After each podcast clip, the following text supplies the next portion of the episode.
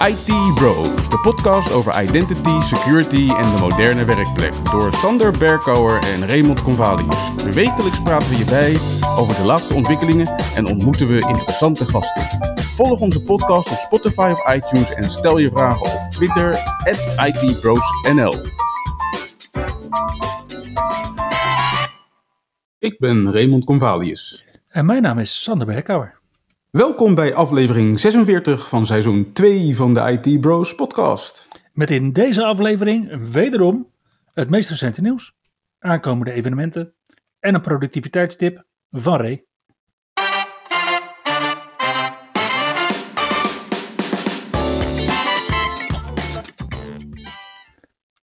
Nee, we gaan het toch helemaal anders doen.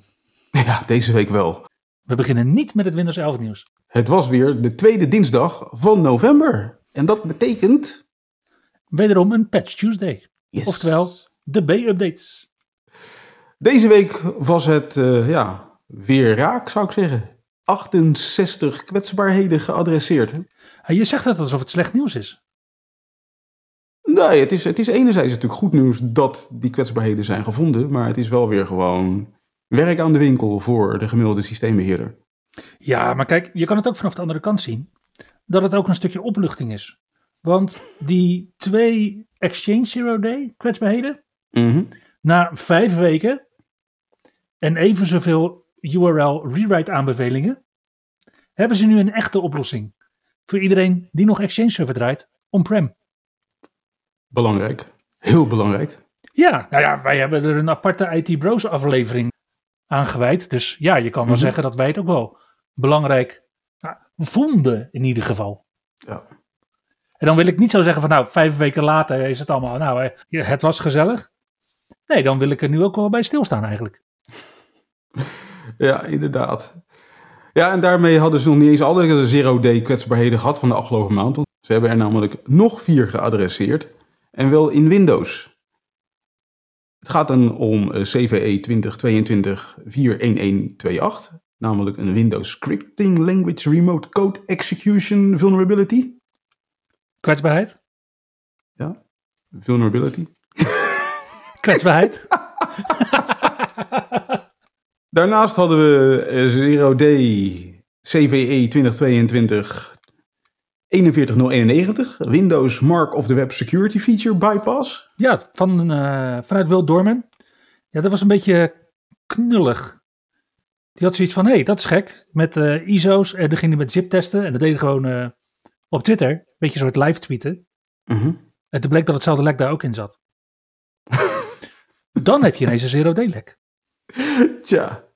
Ja, en guess who's back? Back again. De Windows Principal Elevation of Privilege kwetsbaarheid is ook weer terug. En deze keer als CVE 2022 41073. En de laatste is er eentje in de cryptografie afdeling, namelijk Mhm. CVE 2022 41125. En dat gaat over een Windows CNG Key Isolation Service Elevation of Privilege kwetsbaarheid. Ja, waar CNG staat voor Cryptography Next Generation. Inderdaad. Ja, al die, al die hele mooie sleutelparen die bijvoorbeeld ADFS helemaal niet eens ondersteunt. Precies. Maar dat is een ander verhaal. Ja. Ja, nou van die 68 kwetsbaarheden die dan dus geadresseerd zijn, waren er 11 met het label kritiek en 57 met het label belangrijk.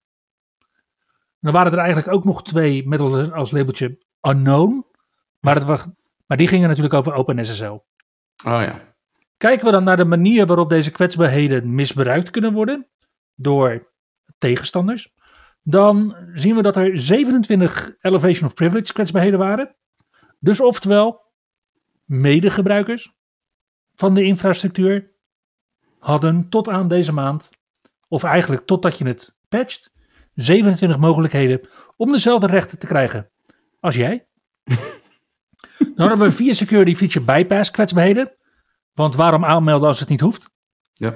16 remote code execution kwetsbaarheden. Want waarom zou je extra geld neerleggen voor een Intune premium feature als je het ook zo kan? 11 information disclosure kwetsbaarheden. Maar gaat meestal over RAM, een beetje, beetje, beetje, beetje droog. Is dat Mhm. meestal wat je dan terugkrijgt. 6 denial of service kwetsbaarheden. Wat je zelfs je ergste vijand denk ik nog niet aan wil doen. En drie, spoofing kwetsbaarheden. Ja. En als we dan naar de producten kijken, dan zaten er 11 kwetsbaarheden in Office en SharePoint. Mhm. 6 in Exchange Server. Mhm. 5 in het eh, point-to-point tunneling protocol, waarvan 3 kritiek. Ja, er zaten er drie in Windows Kerberos, waarvan twee kritiek. Oei. Nog 2 in de Network Protection Service. En eentje in. Ja, Ja, dat, was. Die, dat was die ene in de printspoeler. Ja. Ja, ja. Die is niet alleen zero day, maar ook gewoon kritiek. Keeps coming back. Yep. Ondertussen horen we natuurlijk en lezen we ook mensen die al wat uitdagingen ervaren bij het installeren van deze updates.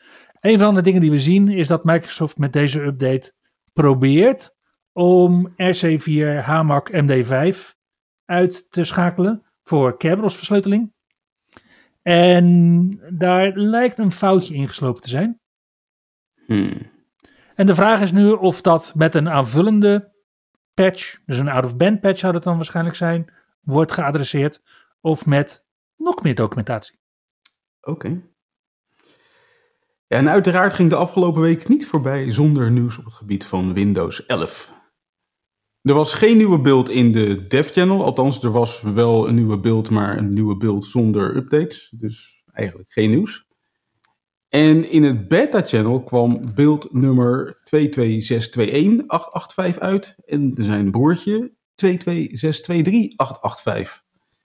En wat we hier zien is dat er wat functionaliteit die we vrij kort geleden nog terugzagen in het dev channel eigenlijk al heel snel doorkomt in het beta channel. Het begint ermee dat eh, de Windows Studio effects in de quick settings zijn opgedoken. Nou ja, de Windows Studio effects zou je denken van wat is dat? Nou, we hebben het erover gehad dat er hele mooie functionaliteit zit in die nieuwe Surface eh, tablet met die ARM processor. De Surface Pro 9 met 5G connectiviteit. Precies. En dus de systemen met de zogenaamde NPU, de Neural Processing Unit, die kunnen dus vanuit Windows ehm, video-effecten krijgen, zoals het vervagen van je achtergrond en dat soort dingen. Het bokeh effect. Ja, Precies. cool. En dat kan je dus nu vanaf je quick settings aanpassen in deze beeld. Maar lopen we dan niet het gevaar dat, eh, dat was een tijdje geleden, ik weet niet of je dat nog kan herinneren, dat er dan ook vooral toeristen waren die dan met een iPad eh, ergens foto's gingen maken en video gingen maken, dat soort dingen. En ik weet nog met eh, Live Communication Server dat er mensen waren die met hun laptop aan hun oor eh, rondliepen. Mhm. Lopen we dan eigenlijk niet een beetje het gevaar dat dat ook weer gebeurt? Maar dan met zo'n Service Pro aan je oor. Ja, met die 5G erin wel, denk ik. Hmm. Of zou Microsoft dat toch ook doen omdat ze een andere vorm factor overwegen? Nou ja, ze, ze verkopen ook hele mooie oordopjes daar bij Microsoft. Ik denk dat dat meer van toepassing zal zijn aan die 5G Service Pro 9. Ja, nee, maar het, het gaat natuurlijk om, ook om het, om het filmen, zeg maar. Ah, oké, met die NPU. Ja. Ja. Nou, in ieder geval, als we het verder nog hebben over die nieuwe beta-beeld, dan zitten er expanded views in voor de widgets, voor het geval je iets doet met widgets. Dat vind ik zelf eigenlijk helemaal niet zo interessant. Wat wel is doorgecijpeld uit de dev channel is de rearrange van de icoontjes in de system tray. Dat is wel prettig dat je dat nu ook kan doen. En dus binnenkort ook gewoon in de GA-versie van Windows 11. Verder gaat Clipboard History ook werken in password fields. Eindelijk. Dat is Mhm. eentje waar ik persoonlijk erg veel last van had, dat het gewoon niet werkte. En waar we het vorige week nog over hadden, de Energy Recommendations. Die zijn nu ook alweer in de beta-channel opgedoken. En dat is wel een leuk om nog even doorheen te lopen. Want je ziet dus dat eh, Microsoft nu allerlei aanbevelingen doet over hoe kan je je Windows-apparatuur zo energie-efficiënt mogelijk gebruiken. Mhm. En die doen allerlei aanbevelingen. Nou, ik heb mijn zeg maar standaard gedrag even tegen de energy recommendations aangehouden. En de punten waar ik afwijk, ben ik eigenlijk niet van plan om naar de recommendations toe te gaan. Want Microsoft beveelt bijvoorbeeld aan om je scherm na drie minuten op zwart te laten gaan. Nou, dat zou misschien nog kunnen. Maar vervolgens staat er: Put my device to sleep after three minutes. Dat betekent dus als je drie minuten achter je desktop weg bent, dan lokt hij niet meer, maar dan gaat hij meteen in slaap. Dat is voor mij niet echt een optie. Je je moet gewoon doorwerken, man. Ja, natuurlijk. en, en, en nou, ook een andere die ik zelf wat minder prettig vond, is dat ze hebben een aanbeveling voor je screen brightness. Dus hoeveel je scherm moet zijn. Dat is zodanig dat ik het zelf niet meer comfortabel vind om achter mijn laptop te zitten. Oké. En degene die ik nog wel interessant vond, is dat ze zeggen van eh, zet dark mode aan om stroom te besparen. Ja, want Windows weet natuurlijk of jij een scherm hebt wat OLED gebaseerd is of niet. En OLED eh, verbruikt inderdaad veel minder als je minder felle kleuren en minder wit hoeft weer te geven. Ja. Een tijdje geleden hebben we de discussie gehad wat nou een handige beeld is om op te gaan zitten als je voorbereid wil zijn voor de toekomst.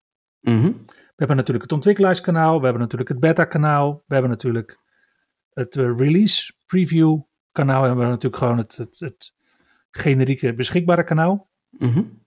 Maar als ik dit zo hoor, dan denk ik dat het voor steeds minder mensen noodzakelijk gaat zijn om in dat ontwikkelkanaal rond te hangen. Dat is ook mijn ervaring. Ik heb nu zelf al een hele tijd zeg maar één machine in het ontwikkelaarskanaal hangen en eentje in het beta-kanaal. Mhm. En ze gaan steeds dichter op elkaar zitten, lijkt het, met nieuwe features. Dat is in ieder geval mijn indruk van de afgelopen maanden. Ja, maar komt dat dan omdat nieuwe features die er wel ingestopt worden nog niet beschikbaar zijn in het ontwikkelkanaal? Omdat je dat, weet ik wel, met de Viva of zo nog moet aanzetten? Of is dat inderdaad omdat ze zo dicht bij elkaar zijn? Want Microsoft zei juist dat je in het ontwikkelkanaal wel eens tegen crashes en dat soort dingen kon aanlopen, omdat ze veel experimenteler aan de slag zouden gaan. Ja, nou mijn dev-kanaal is best wel stabiel. Eigenlijk relatief weinig problemen. Ik had vanochtend heel veel issues trouwens met mijn beta-channel machine om de een of andere reden. En ik weet niet of dat aan Windows lag, wat er iets anders aan de hand was. Maar ik heb hem echt vol- volgens mij drie keer moeten rebooten voordat alles weer soepel liep op die machine. Maar een herstart heeft het wel opgelost. Uiteindelijk wel, ja. Oh, Oké. Maar niet de eerste herstart. Was volgens mij pas na de derde herstart dat ik zoiets had van nu, eh, nu kan ik weer normaal werken. Ja, hey, maar jij draait eh, twee Windows 11 machines. Ja, Ik eh, draai er inmiddels ook een aantal. Halen wij niet onwijs eh, de statistieken omhoog? ik denk dat we wel van, eh, van invloed zijn met z'n tweetjes. In ieder geval op de Nederlandse markt. ja, en als je dan kijkt naar die statistieken, dan zie je dat Windows 11 wel redelijk groeiende is. eh, zeg maar op de wereldmarkt. Inmiddels eh, zijn 15,4% van de Windows-machines op Windows 11 op het internet. En dat volgens de statistieken van StatCounter. Oké. En daarmee, volgens mij was het afgelopen maand met 1,4% gegroeid. Dus het groeit best hard. En ten koste van welk besturingssysteem gaat het dan voornamelijk? Denk jij? Mijn indruk is me nou voornamelijk van Windows 10. Ik bedoel, die mensen die nog op Windows 7 zitten, die zullen niet erom zitten te springen om naar Windows 11 in één keer te springen. Nee, en er zijn denk ik ook nog wel mensen die op Windows 8.1 zitten. Die daar natuurlijk ook eh, best wel rap nu vanaf moeten. Ja. Maar ja, dat percentage is best heel laag. Dat is 2,45%. Ja, maar als je het hebt over alle Windows-apparaten die op het internet wereldwijd zijn aangesloten, klinkt het misschien als een klein percentage. Maar wil je ze toch echt niet in je achtertuin gekieperd krijgen allemaal hoor? Nee, nee, nee, nee. Er, zit, er zit zelfs nog 0,39% op Windows XP. Nou, Ah, dan kijk, de beige machines, daar zijn ze. dat is gewoon pijnlijk. ja, Maar goed, als je dan toch op Windows 11 zit, dan is het eigenlijk zaak dat je zo langzamerhand begint te kijken naar wat doet die laatste release van Windows 11. En dat is dan wel de 22H2 update.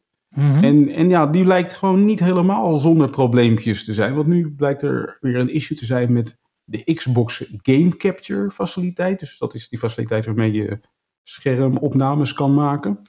En ook een van onze vorige productiviteitstips. Inderdaad. En die blijkt eh, een beetje stuk te zijn in de 22H2-update. En als gevolg van die bug kunnen audio en video out of sync raken. Wanneer je, met name wanneer je gebruik maakt van de record last 30 seconds feature. Dus als je de laatste Oké. 30 seconden van je game nog even snel wil opnemen, dan zijn beeld en geluid niet helemaal met elkaar in sync. Dat is toch jammer als je net je rage quit wilde, wilde tonen. Ja. Ja, precies. Nou, op dit moment heeft Microsoft daarvoor een eh, compatibility hold ingesteld op Windows 11. Dus je krijgt nu als jij al gebruik hebt gemaakt van de Xbox Game Capture faciliteit, eventjes niet de 22H2 update aangeboden. En ze verwachten dat ze rond halverwege november het issue weer hebben opgelost. En dan uh, weer verder kunnen gaan met de uitrol van 22H2. Ook voor die mensen die hiervan gebruik maken. Maar ben jij dan verantwoordelijk voor een hele bende mensen. omdat ze ooit een keer die Xbox Game Capture Bar hebben gebruikt. vanwege jouw productiviteitstip. Dat ze nu niet naar de laatste versie van Windows 11 kunnen? Mogelijk wel, ja. Maar ja, goed, dan moeten ze nog uh, een week geduld hebben of zo. Dan uh, ja. kan het alsnog het is trouwens niet de eerste keer dat Microsoft naar die eh, compatibility hold heeft gegrepen na de release van 22H2. Dus dit is al de vierde compatibility hold. Oké. Dus het is niet alleen mijn productiviteitstip die sommige mensen ervan heeft weerhouden om naar 22H2 te upgraden.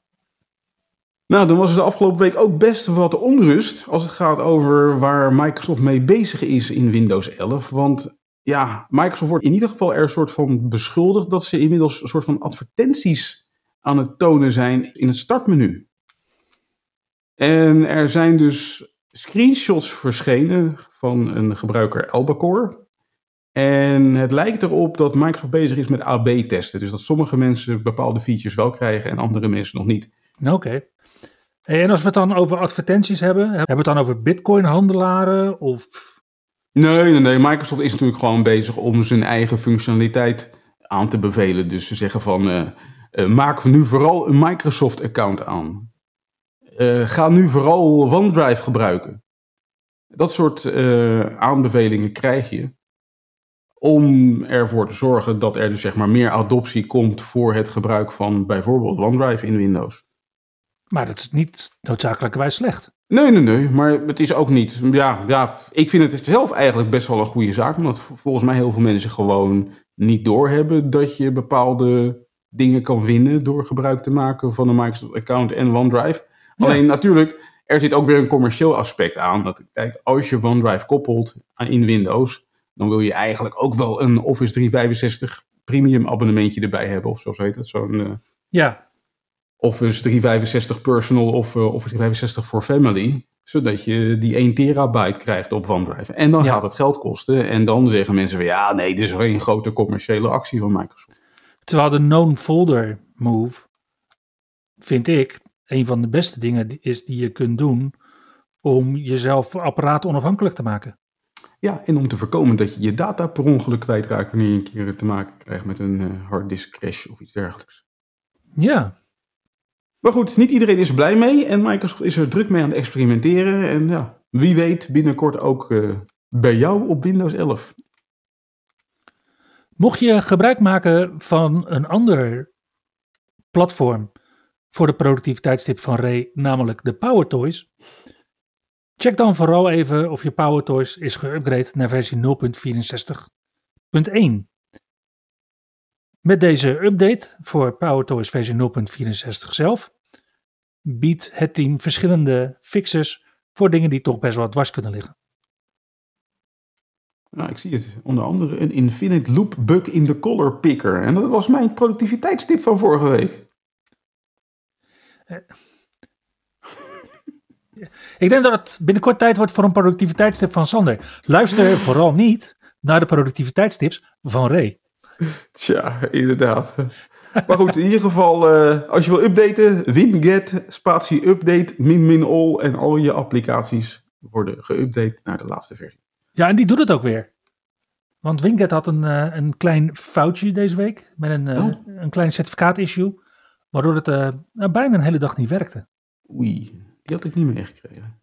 Ja, nee, ik zag het wel. En ik liep er ook tegenaan, want ik dacht, ja, dat ga ik dan maar gelijk even doen. Ja. Maar ja, kon natuurlijk niet. Goed, nou maakt jouw organisatie gebruik van Windows 10 en dan met name Windows 10 Home of Pro, dan is het zaak dat je toch wel heel snel minimaal bent geüpdate naar beeld 21H2. Want de ondersteuning op beeld 21H1 komt per 13 december voor Home en Pro te vervallen. Ja, en dat betekent dat voor Windows 10 21H1 dan hebben we het dus over beeld 19043. Mhm. Dat er vanaf dinsdag 13 december geen nieuwe beveiligingsupdates meer voor dit besturingssysteem worden uitgebracht. Microsoft raadt inderdaad aan om of te upgraden naar Windows 10 21H2. Dat is die beeld 19044. Of de sinds vorige week beschikbare Windows 10 22H2. Dan hebben we het over beeld 1945. Of natuurlijk naar Windows 11. Afgelopen week kwam Microsoft toch wel een bijzonder interessant rapport op te proppen. Namelijk het Microsoft Digital Defense Report 2022. En waarom is dit zo interessant? Nou ja, Microsoft geeft een compleet overzicht van wat zij zien gebeuren in de wereld van cybersecurity. Oké. En nou ja, goed, Microsoft ziet natuurlijk best wel een heleboel. Zeker met eh, de huidige productsuite die ze gebruiken om al die signalen te verzamelen. Ik geloof dat daar een, een aantal ook voor wordt genoemd, toch? Ik geloof dat ze nu zeggen dat ze 43 miljard signalen per dag analyseren. Nou, precies. En met dat soort eh, informatie kan je natuurlijk vrij veel vertellen over wat er gaande is. En zo weet Microsoft dus onder andere te concluderen dat ja, het beleid van China, waarbij de Chinese overheid van Chinese bedrijven eist dat ze zero-day kwetsbaarheden eerst bij de Chinese overheid melden, Mhm. dat dat gewoon zichtbaar is in de statistieken inmiddels. Er wordt gewoon vaker vanuit China misbruik gemaakt van zero-day kwetsbaarheden dan vanuit andere delen van de wereld. En dan heb je het dus specifiek over aanvallen door statelijke actoren. Niet per se, maar wel vanuit China door Chinese hackers. Oké. Omdat de Chinese overheid zich niet gedwongen voelt om meteen de fabrikant op de hoogte te stellen van een ontdekte kwetsbaarheid.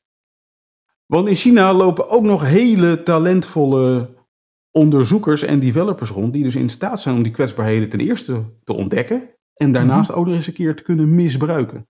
Ja, Nou, verder zie je in het rapport ook gewoon een uitgebreide analyse terug van hoe succesvol ransomware aanvallen zijn. En daar komen ook best wel interessante statistieken uit naar voren. Zo zie je bijvoorbeeld dat van de 2500 aangevallen bedrijven er een relatief klein aanval, ik, ik dacht 60, uiteindelijk geraakt worden door de ransomware. En er maar één op de 2500 echt het slachtoffer wordt van een compleet geslaagde ransomware aanval. Waarbij dus sprake is van het betalen van losgeld, et cetera. Of het kwijtraken of beschadigd raken van data. Ja, en daarmee zie je dus inderdaad dat het in de kiem smoren, wat Microsoft dus doet inderdaad, met alle machine learning die erop zit. En vervolgens inderdaad het implementeren van de basis hygiëne maatregelen, Mhm. zo aan de dijk zet. Ja, en ze doen ook wel een aantal nog hele interessante uitspraken. Zo vonden ze bijvoorbeeld uit dat 92% van de bedrijven nog geen gebruik maakt van data leakage protection. Ja, Met als gevolg dus dat eh, zo'n geslaagde ransomware aanval vrij eenvoudig kan leiden tot het eh, ja, weglekken van data. Mhm. ja. Wat mij vooral opviel bij Digital Defense Report, is dat wanneer je basis beveiligingshygiëne maatregelen toepast, en dan hebben we het natuurlijk over het vereisen van multifactor authentication, het inrichten van de infrastructuur volgens de laatste Zero Trust richtlijnen, het gebruiken van een up-to-date anti-malware oplossing en het adequaat toepassen van updates, dat je daarmee behoort tot het 98ste percentiel van organisaties wereldwijd. En dat betekent dat je 99,9% van al die aanvallen kunt blokkeren. Ja, in ieder geval dit rapport staat echt bomvol met hele interessante informatie. En het is denk ik een absolute aanbeveling om eens even een keertje rustig door te gaan zitten lezen. Dus daar ga ik eh, binnenkort denk ik maar eens een keertje een weekend aan besteden. Wil jij dat ook doen? Dan vind je de link in de notes van deze aflevering op itbros.nl. En als je beschikt over een Lenovo laptop met Windows 10 of Windows 11, dan is het tijd om weer eens te updaten. Want net zoals eerder dit jaar ontdekte nu weer EZ dat er iets mis is met de laptops van Lenovo. Eerder dit jaar was er sprake van een UEFI-kwetsbaarheid, waardoor je onder andere Secure Boot kon uitschakelen. Mhm. En nu hebben ze een bug ontdekt in de Driver Execution Environment Driver. En daarmee ben je dus ook weer in staat om Secure Boot uit te schakelen door te sleutelen aan de NVRAM-variabelen. EZ heeft eh, drie CVE's ontdekt die alle drie te maken hebben dus met het disabelen van Secure Boot door gebruik te maken van deze kwetsbaarheid. Mhm. En inmiddels heeft Lenovo een update uitgebracht en beveelt iedereen aan om deze te installeren. En het blijft niet alleen bij Lenovo, maar gelukkig wel op de werkplekken. Want ook Citrix en VMware hebben kritieke kwetsbaarheden aangepakt.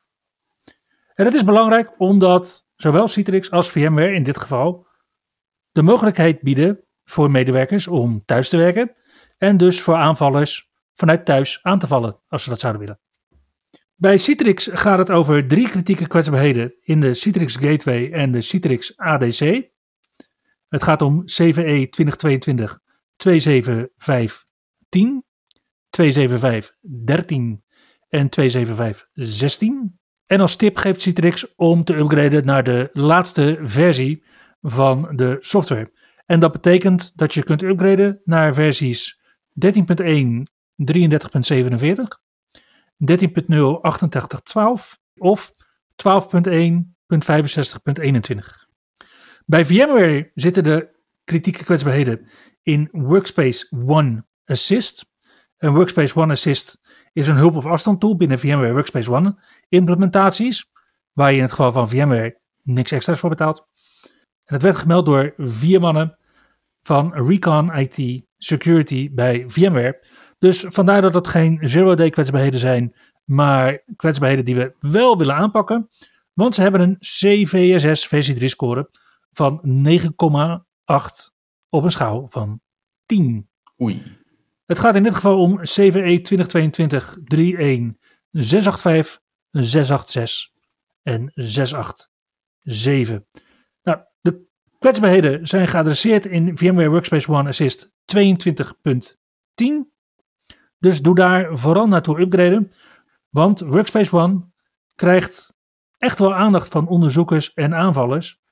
Getuigen de updates in augustus vanuit VMware voor Workspace ONE zelf. En Identity Manager en vRealize Automation.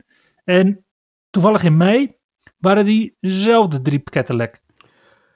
Ja, en ook de Nederlandse overheid blijft niet gevrijwaard van uh, datalekken, want dit keer was het kadaster het slachtoffer van een datalek. En dit doordat ze na een systeemupdate 3700 uh, normaal gesproken afgeschermde woonadressen niet meer afgeschermd bleken te zijn. Als gevolg daarvan werden deze adressen onder andere verstrekt aan uh, notariskantoren en makelaarskantoren die deze adresgegevens niet hadden mogen krijgen. En het datalek is dus inmiddels gemeld. Ja, dat is een typisch voorbeeld van een ontwikkelproces wat niet secure bij default is. AstraZeneca had deze week last van hetzelfde. Alleen niet doordat ze een update uitrolden die bepaalde informatiebeveiligingsmaatregelen uitschakelde, maar omdat ze een ontwikkelomgeving hadden waarin ze werkten met productiegegevens. Wat ook weer typisch is aan dat datalek, is dat de aanmeldgegevens voor die ontwikkelomgeving zich al een jaar open en bloot op GitHub bevonden.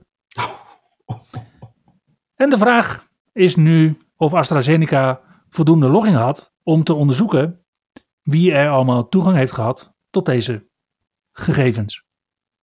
Maar gelukkig ook deze week hadden we nog een, uh, een klassiek datalek, laten we het dan maar zo noemen.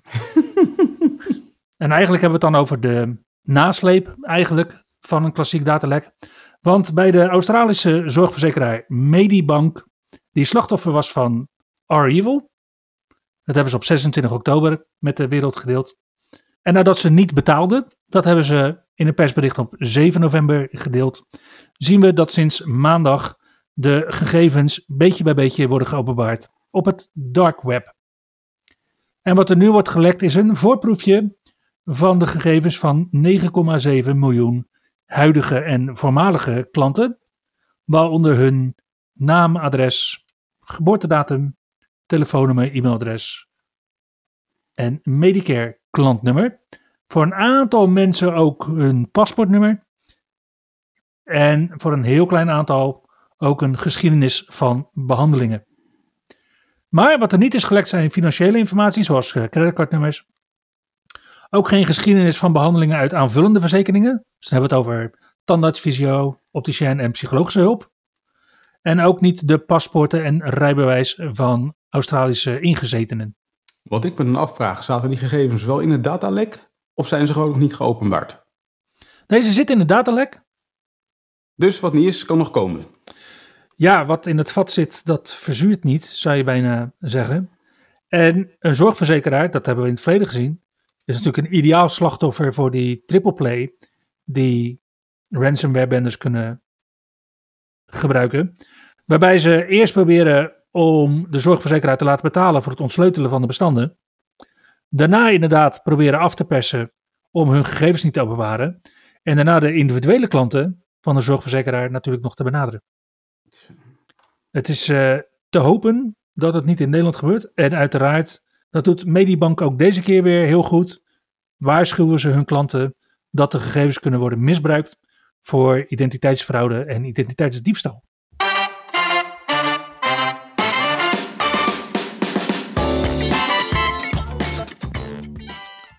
Wanneer je volgende week niet naar Tech Mentor in Orlando gaat, zijn er alsnog twee evenementen in de regio en twee virtuele evenementen die we je kunnen aanraden.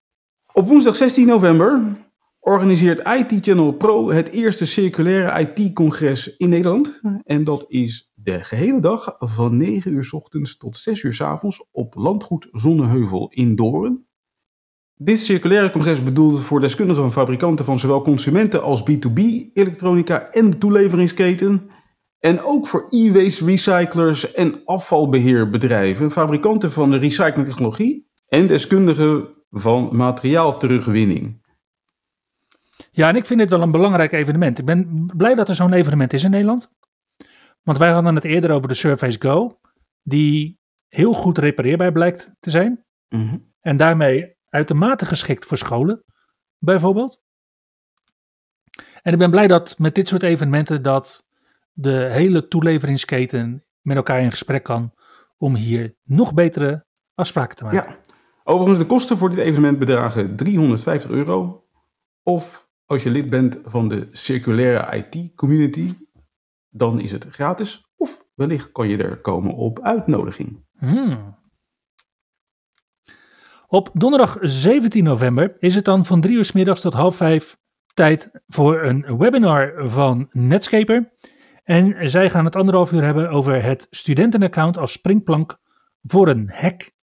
En tijdens deze anderhalf uur laten ze bijvoorbeeld in een demo zien hoe de hackers met een studentenaccount toegang kunnen krijgen en wat ze daarmee kunnen bereiken.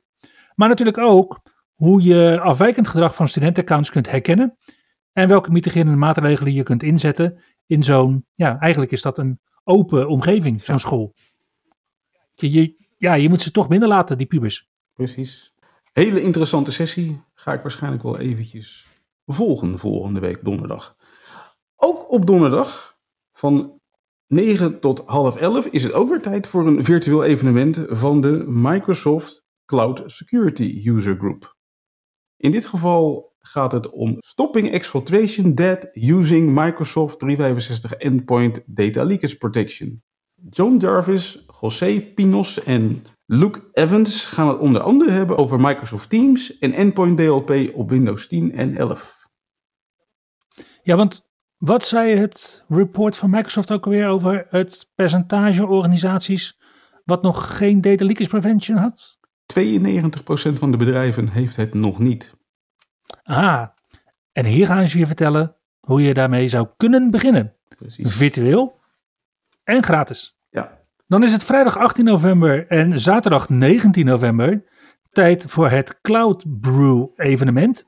Wat wordt georganiseerd door de Azure User Group België, oftewel de AZUG. En de AZUG organiseert deze twee dagen al een aantal jaren.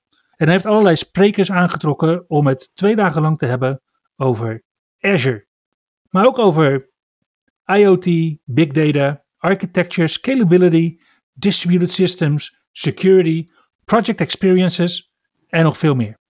En dit fysieke evenement vindt plaats bij Lamot in Mechelen.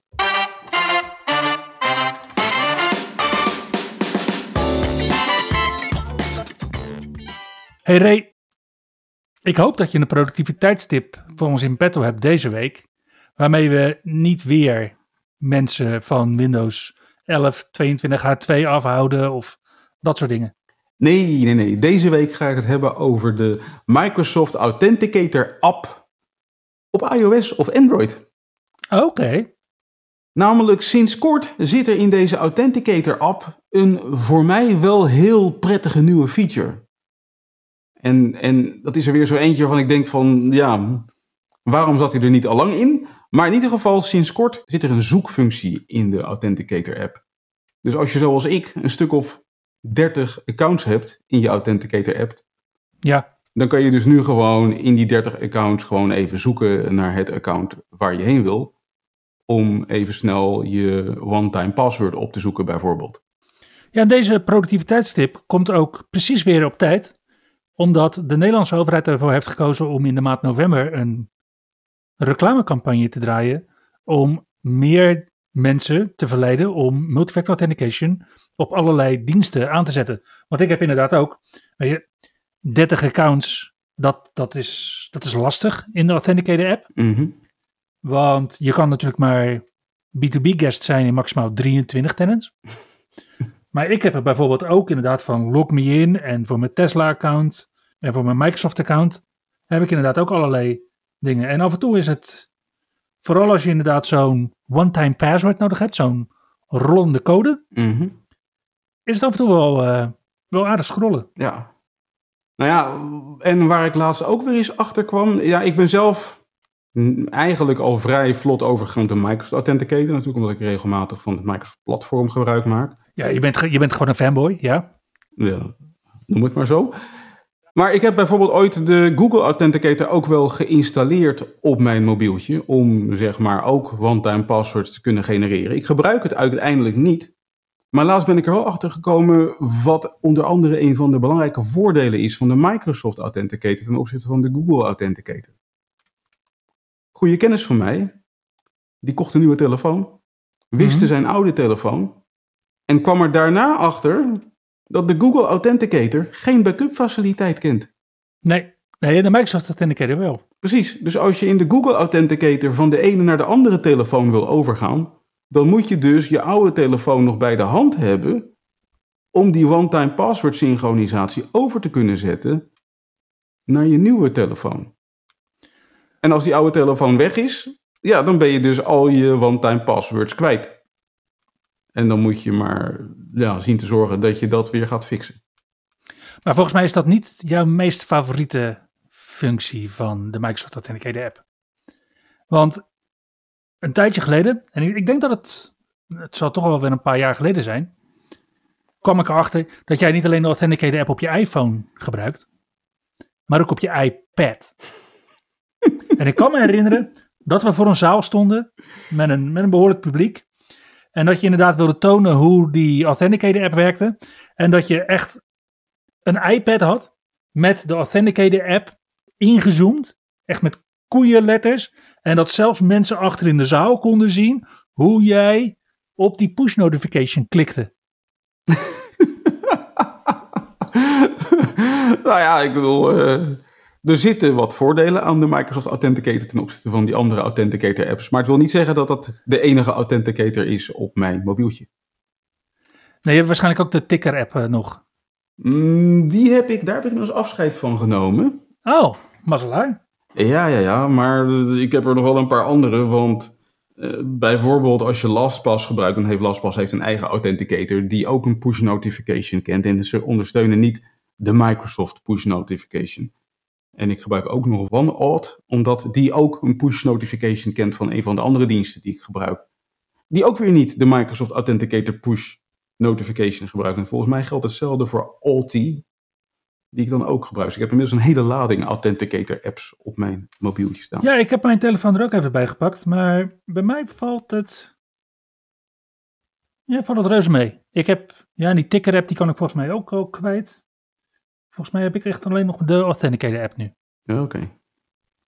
Gefeliciteerd. Daar heb ik, eh, daar heb ik weer geluk mee. Ja.